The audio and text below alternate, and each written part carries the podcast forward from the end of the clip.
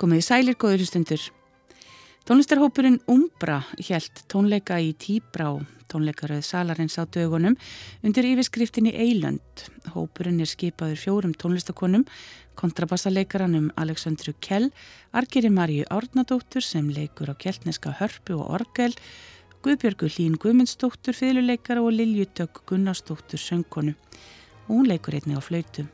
Hópurinn hefur vakið verðskuldið aðtegli fyrir sérstaka nálgun á gamalli tónlist, bæði innlendri og erlendri, en um útsetningarnar sjá þær sjálfar. Auk þessum margir og Marja hefur samið verk fyrir hópin líkt og nokkur önnur tónskáld, til dæmis Þóra Kristín Haldarsdóttir sem samtið verkið Blóðhópni fyrir þær, en verki byggði hún á samnendu verki Gerðar Kristnýjar og var það flutt á myrkumúsjöktögum í ár. og verður hljóðritun frá þeim tónleikum útvarpað 8. mars næstkomandi á alþjóðlegum baróttu degi kvenna. Fyrir tónleikana átti ég spjall við þrjár þeirra, Argerði Marju, Aleksandru og Guðbjörgu Hlín og þar var farið vítt og breytt. En áður en við heyrum það spjall þá skulum við heyra eitt laga nýjustu plötu þeirra, Marju söngvar frá miðöldum, en á þeirri plötu höfðu þær fengið til ísviðsi góða gesti líkt á söngkópin Kantores Íslandíi.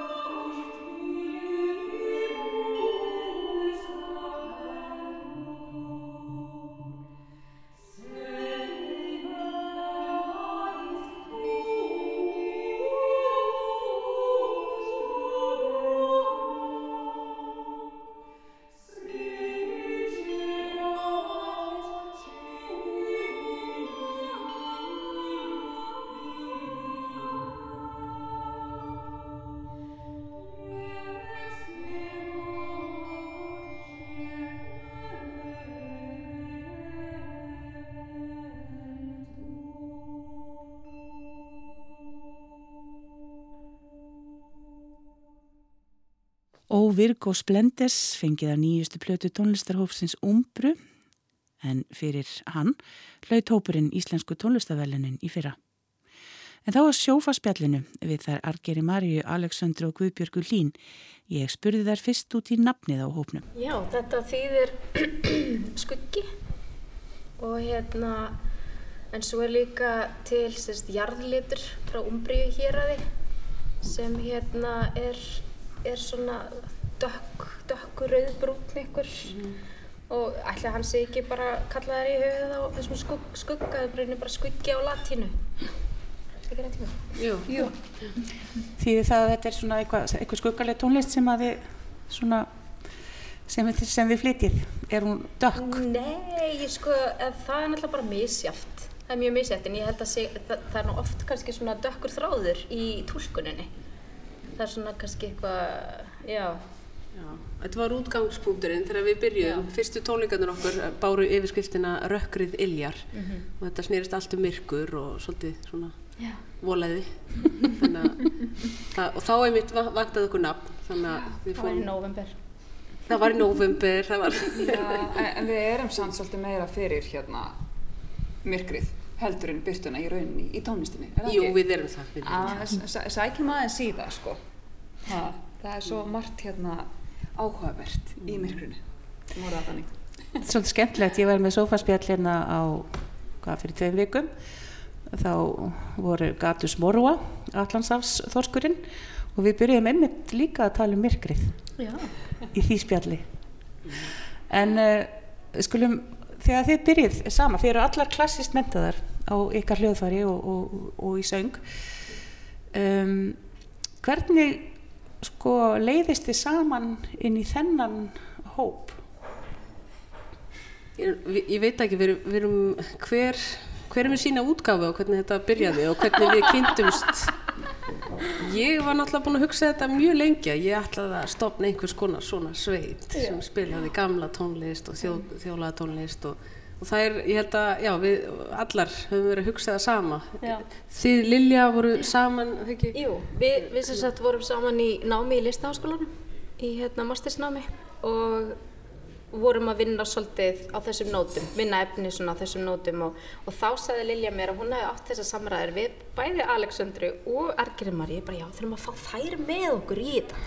Þær eru, hérna, þær eru eitthvað, vilja gera eitthvað svona, sagði Lilja um mig og þannig að, já, við hittist bara kaffúsi og stopnum hljómsdela, te og kaffi. Já. Já, jú, það var eitthvað þannig. Það var eitthvað þannig. Já. En uh, hljóðfærin sem við leikið á núna, um, Alessandra, þú leikur bara á vennilan kontrabassa eða ekki? Jú, þetta er, þetta er bara vennilegur kontrabassi nema hvað ég er með gyrnistrengi. Ég er þannig að, ég, hérna, allir strengir mínir eru, já, úr, úr gyrni. Já. Þeir sem tveir neðstu, þeir eru vafðir, bara til að hafa meira, svona stein, meira.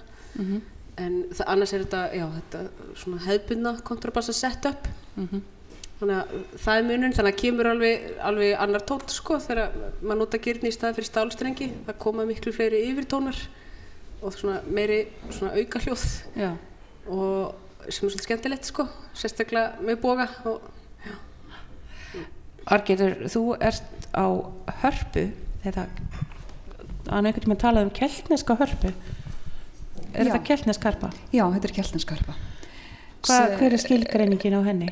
Þetta er í rauninni, hún er bara í rauninni minni tegund af hörpu. Er þetta Það sem heitir bara- lýra í raun og veru? Uh, nei, nei. Það er svona meira hand Já. Sagt, það eru til margar stærðir að keltneskum hörpum, það eru til svona kjölduhörpur og þú, svo þessi stærð sem að ég spila á sem eru fjóra áttundir þannig að hérna en sem sagt svo eru bara, það eru flestir kannski þekkja betur og þessar sinfonísku sem eru miklu stærri, það, það er svolítið annars konar hljóðfæri. Mm. Það eru líka Þannig krómatískar já, en þessi er já, díatónisk. þessi er díatónisk nefnilega þannig að þegar, það er alltaf vesinn fyrir mig að þurfa að skipta um tóntegund og, og, og svona. Þannig, Hvað, ef við útskýrum nú fyrir hlustendum hér. Já, krómatík og díatóning. Mm er einhver, er einhver til í það? Þú ert mækil. þú ert nú hel mentu til þess algjörður þetta er allt hérna krefjandi tónfræðileg spurning hérna í sófaspjallinu Já, Ardís. tónfræðileg spurning ef, ef við Já, spil, ef, díatónisk væri þá bara hvítunótunar. Já, ef við spilum, ef við spilum allar Einfaldast að útskýra það þannig að það væri þá bara hvítunótunar á píanónu en ekki svörtu. Þannig að þegar að við þurfum að breyta um tóndegund og þá þarf argerður að fara að stilla strengin upp á nýtt til að breyta. Það er bara eitt svo leiðis tónleikum. En hvernig, ekki fórstu bara á organistinn, fórstu bara á YouTube og How to play the harp eða? það er reyndar ofslega góð hugmynd hjá þér ég, veist að ég hef aldrei gert það ég, ekki, ég veit ekki af hverju, þú segir þetta núna þetta er alveg ný hugmynd fyrir mig nei, ég sem sagt, já, ég er bara píjónuleikar í grunninn og svo organisti til viðbótar og hérna ég var í Vótsist Húles og einn úr þeim hóp átti þessu hörpu og endaði svo að ég að selja mér hana. Því ég fór svona bara að fykta eitthvað svona leika mér að spila á hana hvað, 2012-13 eitthvað svona og svo er bara verið að fykta síðan. Og hérna það er bara rosalega gaman en ég get alveg viðkjönd það að ég veit rauninni ekkert hvað ég er að gera. En ég en þetta er mjög skemmtilegt hljóðfæri þannig að og ég bara gerir mitt besta á, á, á þetta. En sem sagt já, ég hef, al, ég hef aldrei lært neitt hvorki hjá kennar en ég á YouTube sko. þannig að þetta er bara skemmtilega áskorun Algjörlega. Og svo er annað mjög áhugavert hljóðfæri sem að þú ert að spila á í kvöld sem er indversta harmoníum. Já, þetta er svona mín, hvað maður að segja, svona mini orgel sem að sem sagt, ég bara ég spila með hægri hendina og svo þarf ég að pumpa með vinstri hendinni þannig að hérna, þetta er svo sem takmarkaður möguleikar að hversu mikið maður getur gert á þetta hljóðfærandi er, þetta er skemmtileg hljómur í þessu. Og sem sagt, hljóðfæri sem að ég er með er keift í Chennai á söður Indlandi sérstaklega fyrir mig. Og hérna og það nefnilega á Indlandi þá er þetta svona þetta er þeirra svona heimilisljóðfæri ef við getum kannski sagt að eins og hjá okkur er, er það kannski píanóið til á mörgum heimilum en á Indlandi er það svona harmoníum sem er bara mjög við, við til í stofunni Og þú varst að segja mér að það er svolítið svona viðkvæmt fyrir þessum, þessum norræna hittastigi. Já, því er frekar illa við loftslægið hér. Það verður að segja sem segir, flutt allavega frá Indlandi og rakanum þar og 40 stegi hittanum hingað í frosti sko. Þannig að það lætur stundum svolítið illa við mig, það er með auka hljóð og svona sérstaklega eins og í veðri sem er núna. En það er samt bara á sinn hátt sjarmerandi í rauninni. Frost og þurrkur, ekki Já. alveg. Nei. Nei, nei, en eins og ég segi, það er bara, nei, það er bara hluti af, af þessi hljóðfæri og bara, bara gáðan.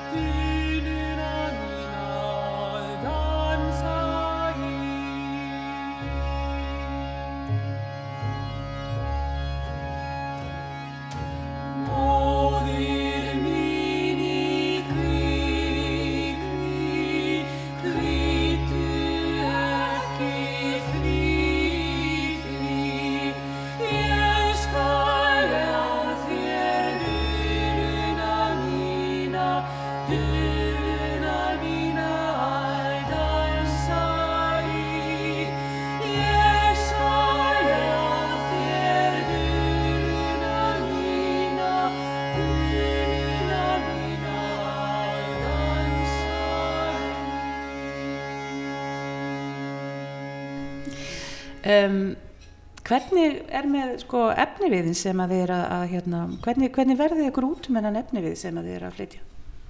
Um, þetta er kannski bara stöðugt grúsk. Við, við hættum ekki einhvern veginn um, vöðum kannski úr einu í annað en við, það sem við gerum, við, að, við höfum áhuga á fordri tónlist og um, erum svolítið að skoða all gömlu handritinn og bara hvar, hvaðan sem við getum fundið laglinu og lagbóða Ert að tala um íslensku handritið þá. Já, íslensku líka erlend um, og því við höfum alveg skoðað síðan norræn handrit og líka úr Evrópu uh, aðeins sunnar? Katalóníu, til dæmis einasta platan okkar þá tókum við fyrir bara eitt handrit uh, frá Katalónu á 14. öld um, þetta er svona handrit sem að fjallar um allt mögulegt eitthvað af læknisfræði, eitthvað af stjörnufræði og svo er kapli með uh, nokkrum lögum sem að þóttu hæf, þótti hæfa pílagrímum að syngja á þessum helgastað í klaustrinu í Montserrat eitthvað sem, þannig þeir getur skemmt sér uh, á kvöldvökum uh, en ekki endilega drikkjuvísur þá heldur frekar að, að lofsama uh, Maríu Almættið. já, Já. já. Uh, hvað er að tala um langt aftur í tíman? Hvaða tímabil er að tala um? Uh, hvað þetta handið varða þá er þetta 14. öld en við sækjum bara í rauninni eins, eins gamlar og upprænlegar heimildur og við getum það er náttúrulega ekki mjög mikið til en eh, til dæmis á þessu prógram í kvöld og þá erum við með uh, já, textar eru, geta verið mjög gamlir það er einn hérna frá, frá tíundu öld Eh, tónlist er, er lög eru úr handritum frá 13. öld 12. öld 14. öld þannig að við erum að tala um svona snemmi já, svona miðbygg miðalda og hérna við förum helst ekki mikið uh, hérna í reynessans eða svona mikið eftir 1500 Nei, Nei. við stoppið þar. já, svona Já. Við segja skiptin bara. nei, nei, aldrei auðvitað, ég segi svona ég bara, En hvernig, nú er þessi lög skrifuð og þetta er væntalega svona einhver naumuskrift eða í handritunum, þetta er ekki eh, nótur með taktbóða og hvernig finnið út úr hvað, hver er takturinn og hver er raðinn og Já, hvernig á að flytja þetta þá, og, ég menna við, við förum bara við skoðum hvaða rannsóknir hafi verið gerðar því náttúrulega þetta er bara rannsóknar efni í rauninni. Helstu vísbendingarnir eru kannski textin hvernig fellur hann, hvernig, hvernig hljómar hann bara hvernig rinjandinn í textanum sem er verið að syngja. Uh, það oft gefur ansi sterka vísbendingu hvort sé í þremur eða fjórum og svo hvað var það hraðan og hljóðfarval og svo framins, þetta er bara allt frekar opið þannig að mm, uh, og hérna við gerum já, við bara prófum okkur áfram er það ekki? Við, við vinnum bara svolítið eins og bílskúrsband í rauninni. Það erum með og það er oft, er oftast bara eins og Alexandra segir að það er oft bara hérna ein lína og, og lítið sem fylgir, það er stökusinnum sem það er kannski tvírata og þá hérna reynum að nýta alltaf bara svona eh, hérna elstu heimildina sem við finnum og vinnum út frá því. Við bara prófum okkur áfram og meiri passa og breyta hljóm hér, hvað er að gera hérna og vinnum þetta bara í samningu. En, en, en samt sem aður þá höfum við líka flutt tónlist sem hefur verið saman fyrir okkur. Argeri Marja er tónskáld og hún hefur sami fyrir okkur og líka eins hérna erum við ný, nýbúnar að ljúka við að- flytja blóðhópnir eftir hérna hana Kristínu Þóru Haraldsdóttur tónskáld. Já, Finn Karlsson, hann hefur sami fyrir okkur. Þannig að við hefum líka verið svona aðeins að e, flytja nýja tónlist í bland með samt þessum svona hérna okkar svona hljóð heim. Það er nefnilega svo merkilegt að það er oft þegar svona hópar uh, eru stofnaðir að þá er þetta, ég getum bara til dæmis eins og nefnt uh, Nordic Affect sem hefur farið í gamla tónlist og svo alveg út í nýja tónlist og fremsköpun. Mm Hva, hvað er þetta? Hverju? Hva, af hverju?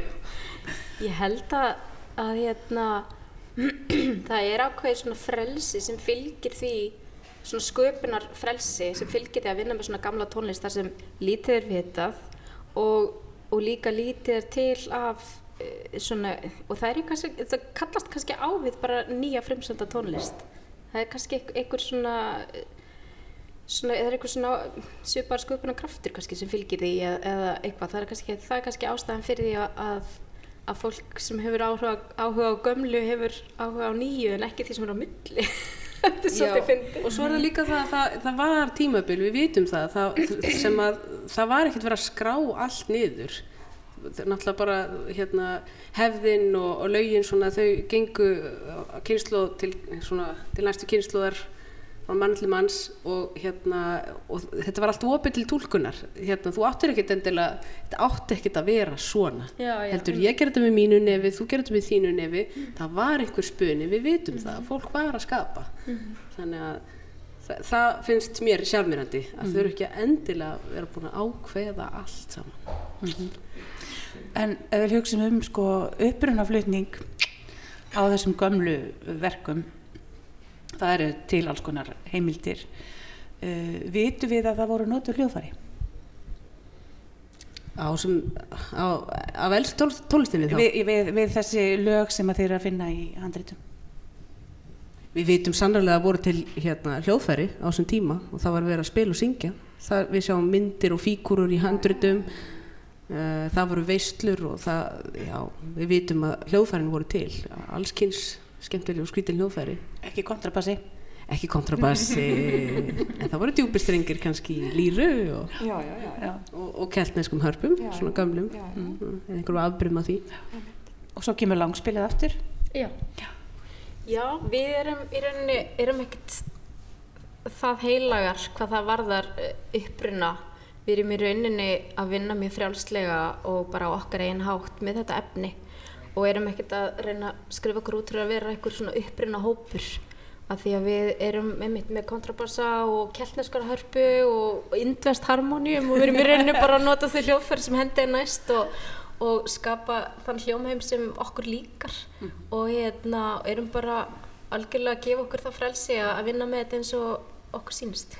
Nákvæmlega. Og svo er þið með blokkflutina líka. Já, Við vorum nú að ræða það hérna bakvið að hérna, við höfum sérlega allar lært að blokkflutu á einhverjum tíma í, í forskóla eða grunnskóla og eflaust margir hér lært að blokkflutuna og svo þurftum að bara fara að velja eitthvað annað hljóðfæri. Það var aldrei, það var ekkert í búið að halda áfram á blokkflutu því að það var ekki hljóðfæri. Þetta var bara eitthvað svona til þess að byrja á. Já. En þetta, þetta hefur heldur betur breyst.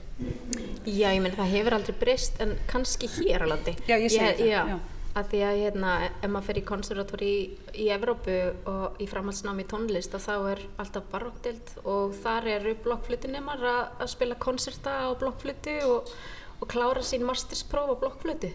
Þannig að það hefur alltaf verið til. Mm En, hérna, en, en kannski svona lenskan hér á landi hefur ekki verið mikið að, að gefa þessu hljóðfæri svona mi, mikið svona, Já, þetta hefur verið svona byrjanda, byrjanda hljóðfæri, einmitt af eins og þú segir að kannski svona 6 til 8 ára og svo þú búin að læra ákveðin ljóða blokkflutuna, þá máttu fara að læra á eitthvað svona merkilegra hljóðfæri, skilur við, en hérna, já.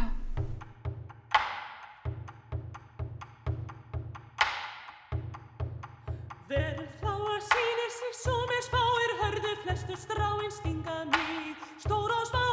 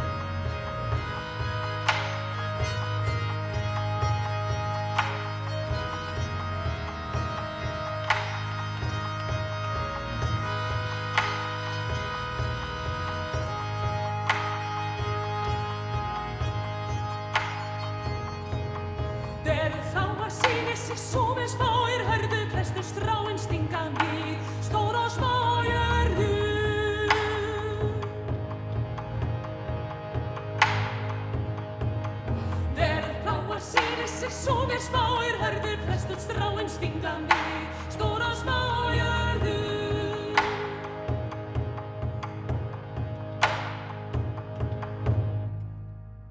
En þið eru sér satt með útsetningarnar í saminningu, í bílskórnum ykkar, í áhenginu. Og Argeri, þú ert svona, kannski svo eina í hóknum sem hefur verið með svona, já, sko, algjörða frumsköpun alveg frá, frá, from scratch, eins og maður segir á góðri íslensku vondri. E, já, já, þá, þá maður segja það. Ég, hérna, ég reyndi að byrja bara 2017 þá hérna, fór ég svona eitthvað að fykta við að semja og hérna en e, hvað ég, við höfum flutt einhver þrjú svona stuttverk eftir mig, kannski kemur eitthvað meira síðar. Aldrei að vita, en ég er svona aðalega verið að semja fyrir hérna, ég er sem sagt í mestasnámi í, í listaháskólanum og hef aðalega svona verið að skrifa fyrir aðra hópa og, og kóra og svona ímislegt en hérna alltaf svolítið gaman að skrifa fyrir okkur líka ónýttanlega Þannig þú ert í mastersnámi í tónsmiðum. Já. En þegar þú ert að skrifa fyrir uh, þinn hóp, uh, setur því í einhverja gamlar stellingar? Já, og, og það, það er eiginlega svolítið áhugavert að er, þetta er eiginlega erfiðast sem ég geri. Sagt, e, það er að semja fyrir okkur. Það er kannski svolítið skrítið að segja frá því. Ég get ekki alveg kannski útskýrta neitt frekar en það er ótrúlega erfitt. En jú, ég set mig alveg í gamla stellingar og ég reyndar geri það alveg í öðru sem ég hef verið að vinna líka. Ég er svolítið mikið í því, ég er svolítið mikið í þessu gamla og í þessu dimma og drungalega. Þa, það hendar mér mjög vel sko.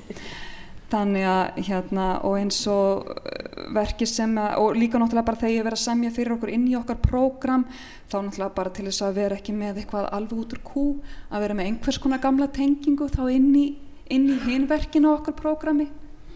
Þannig að eins og uh, við, við semst frumflytjum lítið verk eftir mig í kvöld og hérna og ljóður úr skáldskaparmálum snorrætu. Þannig að já, þannig að já, ég leita mikið í þetta gamla. En hvernig er þá um, spunin hjá félagunum? Fá, fá, þeir, fá þær að leggja eitthvað að mörgum eða er þetta stráng, stránt skrifa niður hjá þér? Uh, stelpur? Hver, hvernig er það? Það hefur verið svolítið misjam. Hef, ég hef verið með, str- kom með stránt en, en það er ekki alltaf. Það hérna stundum, stundum líka bara þú veist finnur maður af því að maður er að skrifa eitthvað heima hvort sem er á pappir eða í tölvu og þá hljómar einhvern veginn í tölvunni eða haustnum á manni svo kemur maður með á æfingu og þá allt í einu bara nei þetta kannski, eh, kannski ég ger þetta öðruvísi og ég kannski segi en að Guggi, getur þú kannski bætt aðeins við hérna fyrirluna hér? Ég þurfi kannski bara að tekið fyrir mig smá, það væri flott að fá sóla hér og þá gef ég henni frelsi skilur mig og mm. það er fá, jú, jú, það er fá oft líka að vera með eitthvað input sko. Það er nú fallegt að þér. Takk. En eigið þið einhverjar uh, svona fyrirmyndir í hópum? Nú hefur til dæmis Horti Saval uh, verið að gera eitthvað af þessu. Er það kannski stór fyrirmynd? Já, hann, hann á mikið repertoar sem við lítum til og hann er bara búin að vinna svo mikið brautriðendastarf og draga fram svo margar og mikla gerðsemar með frábærum spilurum og er ennþá á, á fullu all, hann er að túra út um allan heim. Þannig að jú, jú, við lítum til hans meðal annars, Jordi Saval og dóttir hans. dóttir hans, Ariane Saval, hún er frábær hörpuleikari, hún er með grúpu sem heitir hérna Hírund og Maris.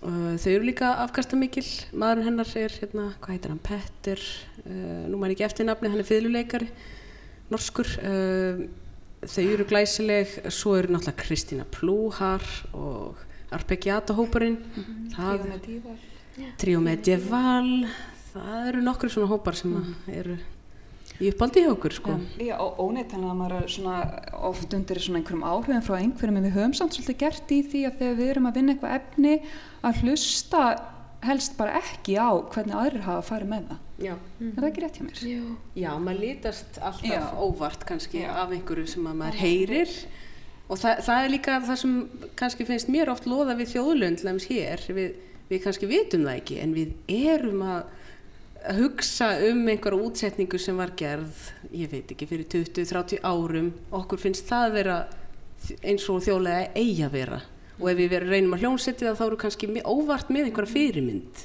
Já.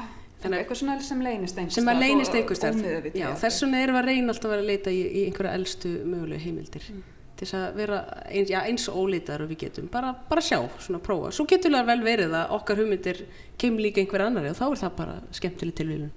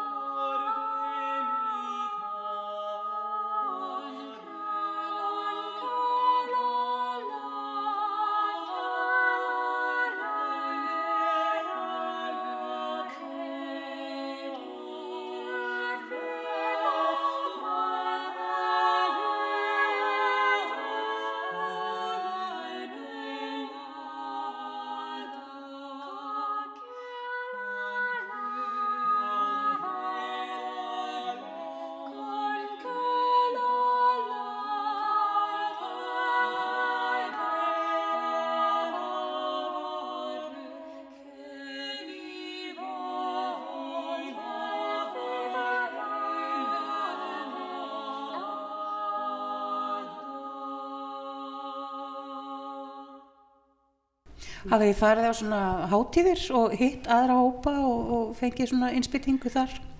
Ekki enn, en uh, við erum að fara til Norex að spila á hérna tónlistarháttið þar núna í mæ, 22. annan. Já, já, já. fyrsta. Óram pluss. Óram Plus hátíðin, hún er í hérna, hvað, Á Álasundi. Álasundi. Já. Við erum að fara þangað. Þetta er svona b- bókmennta og, og, og tónlistarháttið sem okkur var bóðið að, að koma fram á. Þannig að við erum bara mjög spenntar fyrir því og, og vonandi bara eitthvað meir eftir að koma. Já. Nú heldur betur svo kannski opnast einhverjar gáttir fyrir hvern menn í músík eftir að Hildur vann þessi fínu verðlun. Já. Hafið þið fundið fyrir einhverju svona mm, einhverjum erfileikum við það að vera bara konur Nei. í. Nei. Allavega ekki, ekki í okkar, ekki sem umbra. Nei. En e, þú veist, ef maður ætti að fara að svara fyrir sem persónlega því að við hefum nú allir verið í tónlist frá því að vorum e, bara smábött sko í rauninni Jú, því ég held að þá getum, að getum við kannski allar sagt já að við höfum fundið fyrir því en, en ekki sem, sem við saman, Nei. myndi ég segja. Já, ég sammála því. Já. Alessandra, þú kannski svona um, já, svona kannski í, í, á karlægasta hljóðfærið, kontrabassan þú bara byrjaði strax á því að að velja það Já, kannski. Nei, en ég reyndar, ég er, er ég fyrirleikar í grunninn og, og þannig eh, kynntust við Guggi til dæmis. Hérna, ég var le bara lengst af að læra á fiðlu. Um, svo var það bara á, já, fullorins sem að, ég, ég vissi það, þá, þá, ég, það var ekkert leyndamál. Ég hafði áhuga á þessu hljóðfæri og ég, ég var alltaf að hanga með kontrabassaleikurum í öllum hljómsveitum og hérna, já, kynast þeim öllum fekk á endanum lánað hljóðfæri og það var ekki aftur snúið. Má ég prófa hljóðfærið Þeir heldur kannski að eitthvað annað væri á ferðinni, Já. hérna, já, það var, hljóðfæri. það var hljóðfærið sem heitlaði Já, já, já, það kannski er karlægt eða hefur verið einmitt hér á landi en, en erlendis þá er það miklu algengar að konur sé að spila kontrabassa og, og hafa náð langt. Það eru, hérna, maður sér það, það er miklu algengar erlendis þannig í, í symfónilhóstum að sjá bara heilu deildirnar og meiri hlutin eru konur. En hér hefur það ekki verið þannig. Þið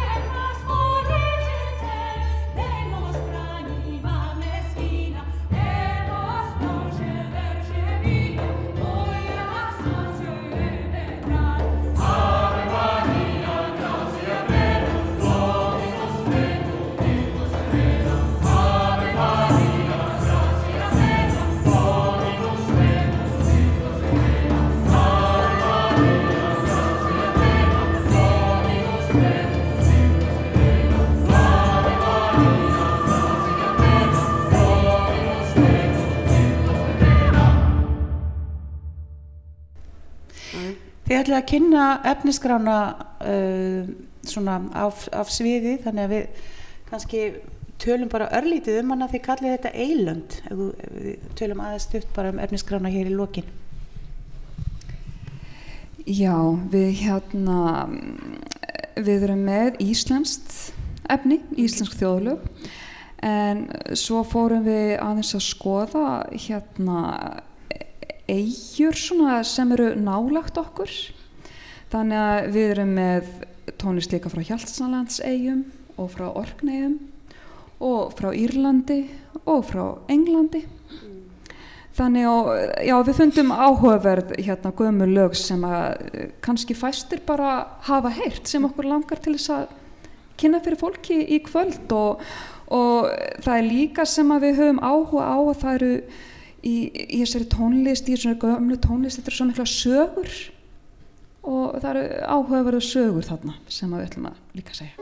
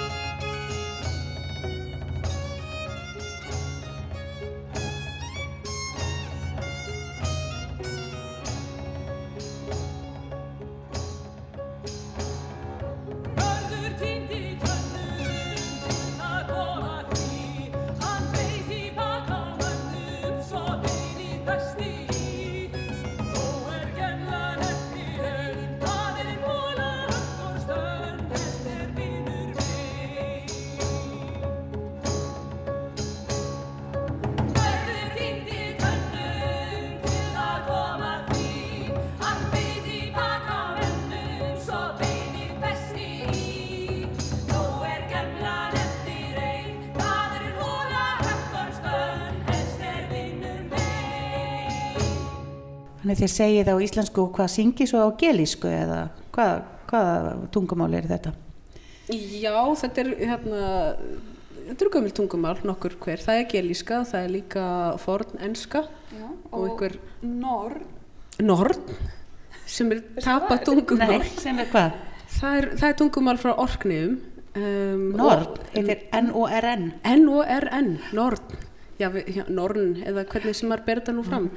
Þetta er eiginlega tínt tungumál og hérna seinasti eftir, ja, maðurinn sem að talaði Norn uh, dó einhver tíman á 19. öld og síðan þá hafa menn bara svolítið verið að hérna, með getgátur um hvað hva orðið þýða en þetta er svo skilt uh, norrænu tungunum þannig að við, já, maður getur alveg getið sér til um alveg heilmart sko það er svona einstaka orð sem við, við skiljum ekki Þannig að það er, það er spun í, í, í orðunum líka hjá okkur. Eða hvernig vitið þið hvernig á að byrja þetta fram?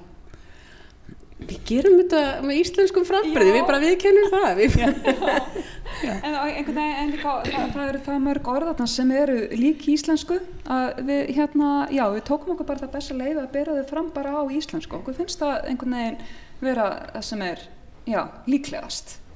En, en kannski höfum við ránt fyrir okkur en svo kannski bara veit hengin hvernig í rauninni átt á að vera. Þannig að, já, en það er líka sem er svolítið skemmtilegt við þetta allt. Nákvæmlega, þið gera það bara nógu samfærandi og þá trú ykkur allir. Já, fake it till you make it. Já. Nákvæmlega. Stelpur, ég ætla að hleypa ykkur baksviðs til þess að ekki undirbúi ykkur fyrir tónleikana og bara takk fyrir að spjalla við mig.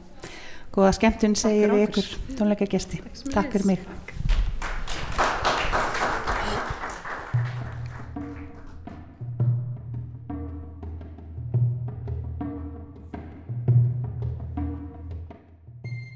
Og þar með voru þær farnar að undirbúa sig fyrir tónleika sem tókust aldeilis vel.